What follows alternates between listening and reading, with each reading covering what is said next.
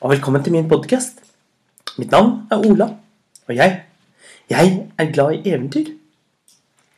Hver dag så pleier jeg å sitte og fortelle eventyr til deg og til alle andre som liker et godt eventyr. Og noen ganger noen ganger så liker jeg veldig godt å fortelle eventyr som har blitt fortalt tusenvis av ganger opp gjennom tidenes historie. Mens andre ganger så har jeg lyst til å fortelle eventyr og historier som ingen har hørt før. Ikke engang meg selv. Fordi noen ganger så finner jeg på eventyret akkurat her og nå sammen med deg. Og da vet ikke jeg noe mer hva som kommer til å skje, enn det du gjør. Det tenkte jeg vi skulle gjøre i dag.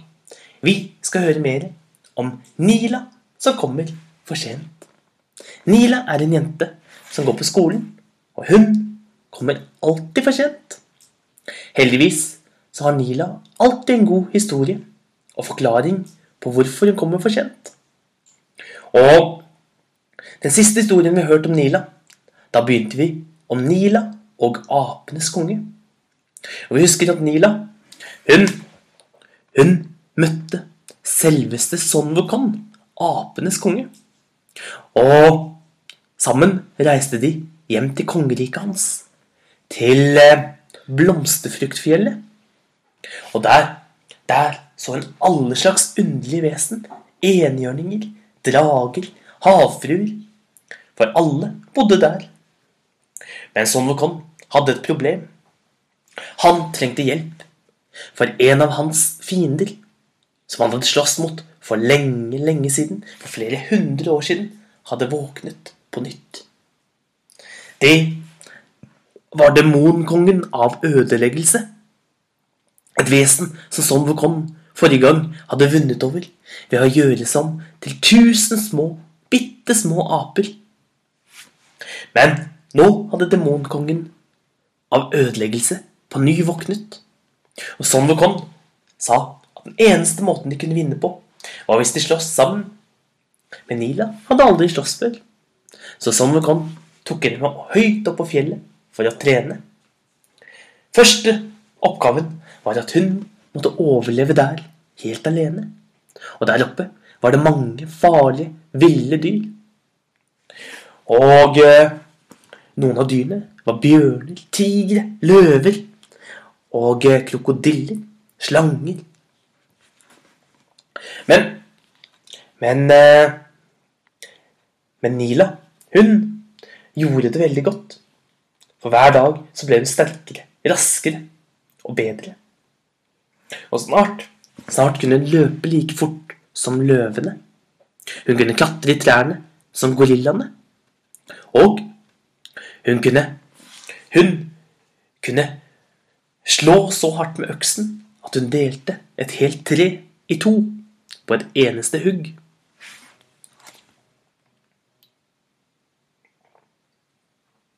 En vakker vintermorgen, da kom Son tilbake på fjellet og sa Nå har jeg vært ute og reist og funnet ut hvor demonkongen av ødeleggelse holder til. Og jeg ser du har overlevd. Så nå er det på tide at du skal trene mer. Eh, gå inn og ta på deg badetøy. Det er på tide at vi skal bade. Bade? Jeg tror du er helt sprø, sa Nila. Det er jo midt på vinteren. Det er jo snø og is og, og veldig kaldt ute. Ja, nettopp. Det kommer til å gjøre deg veldig sterk, sa Son og lo. Og Nila hadde ikke annet valg enn å gå og hente badetøyet sitt. Og snart så sto de ute i snøen, og det var veldig kaldt. Så kom de fram til en elv, og sånn sa Nå skal vi svømme oppover elven. Og eh, de satte i gang med å gå ut i det kalde vannet. Og det var som om tusen iskalde nåler stakk inn i huden. Men Nila bet tennene sammen og la på svøm oppover den strie elven. Og hele veien så svømte Son kom ved siden av, og han tok seg til og med tid til å synge en sang.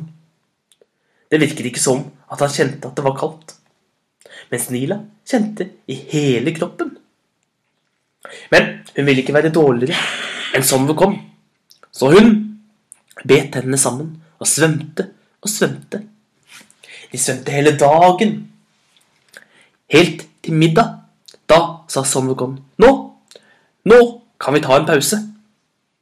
Og de gikk opp på land, og der lagde de seg mat. Denne dagen så ble det fjelløve som de spiste. Og fjelløven var det Nila som fanget, med bare hendene. Og så Så sa Sondercon Jeg har funnet ut at uh, vi er ikke så altfor langt unna der hvor demonkongen av ødeleggelse holder til. For han har fått seg et nytt hus. Men Men du og jeg sammen skal nok klare å vinne over han. Men uh, Men uh, du er nok ikke helt sterk nok ennå.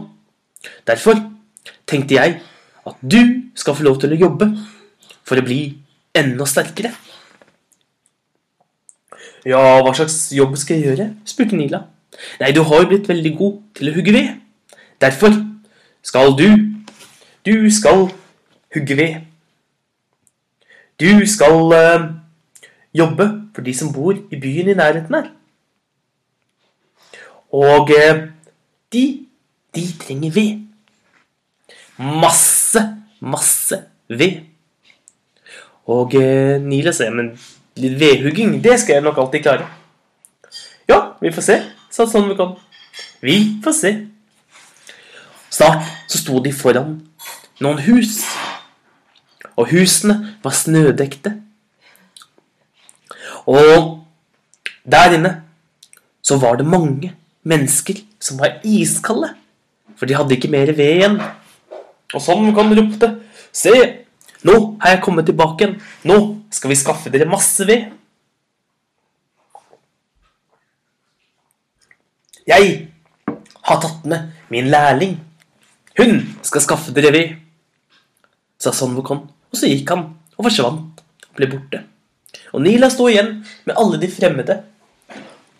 Og de alle sammen kom ut, det var så mange mennesker. Nila ble helt omringet av mennesker overalt, og alle ønsket å få mer ved. Bare slapp av, sa Nila. Jeg har, har nå blitt så god til å hugge ved at jeg kan hugge, dele et helt tre med et eneste hugg med øksen. Veldig bra, sa de. Men du vet, det vokser ingen trær her oppe på fjellet, så de må du gå og hente leng, langt nede på bunnen av, av elven som du svømte opp. Du må dra ned dit, til skogen, og hente et tre. Så må du svømme med det oppover elven. Så kan du hugge det her. Hæ? Men det tok meg en hel dag å svømme den elven, sa Nila. Ja, sånn er det, sa de. Og Nila hadde ikke annet valg enn å hoppe ut i elven og svømme nedover det iskalde vannet. Der fant hun seg et stort, stort eiketre og hugget det ned. Så bandt hun det fast i et tau og begynte å svømme oppover, oppover elven på nytt. Og det var så tungt å svømme med det store treet etter seg. Men overraskende nok så kom hun fram før middagstid. Hun hugget treet opp i biter. Og så Så var alle i byen varme for den dagen. Men, sa de, vi må mange, mange flere trær. To trær er langt ifra nok. Du må svømme ned og hente flere trær til oss. Og Nila hoppet ut i elven og svømte ned det iskalde vannet på nytt. Og hvordan det går videre med Nila og apenes konge, det skal du få høre i neste episode om Nila og apenes konge. Ha en god dag, så ses vi igjen en annen dag.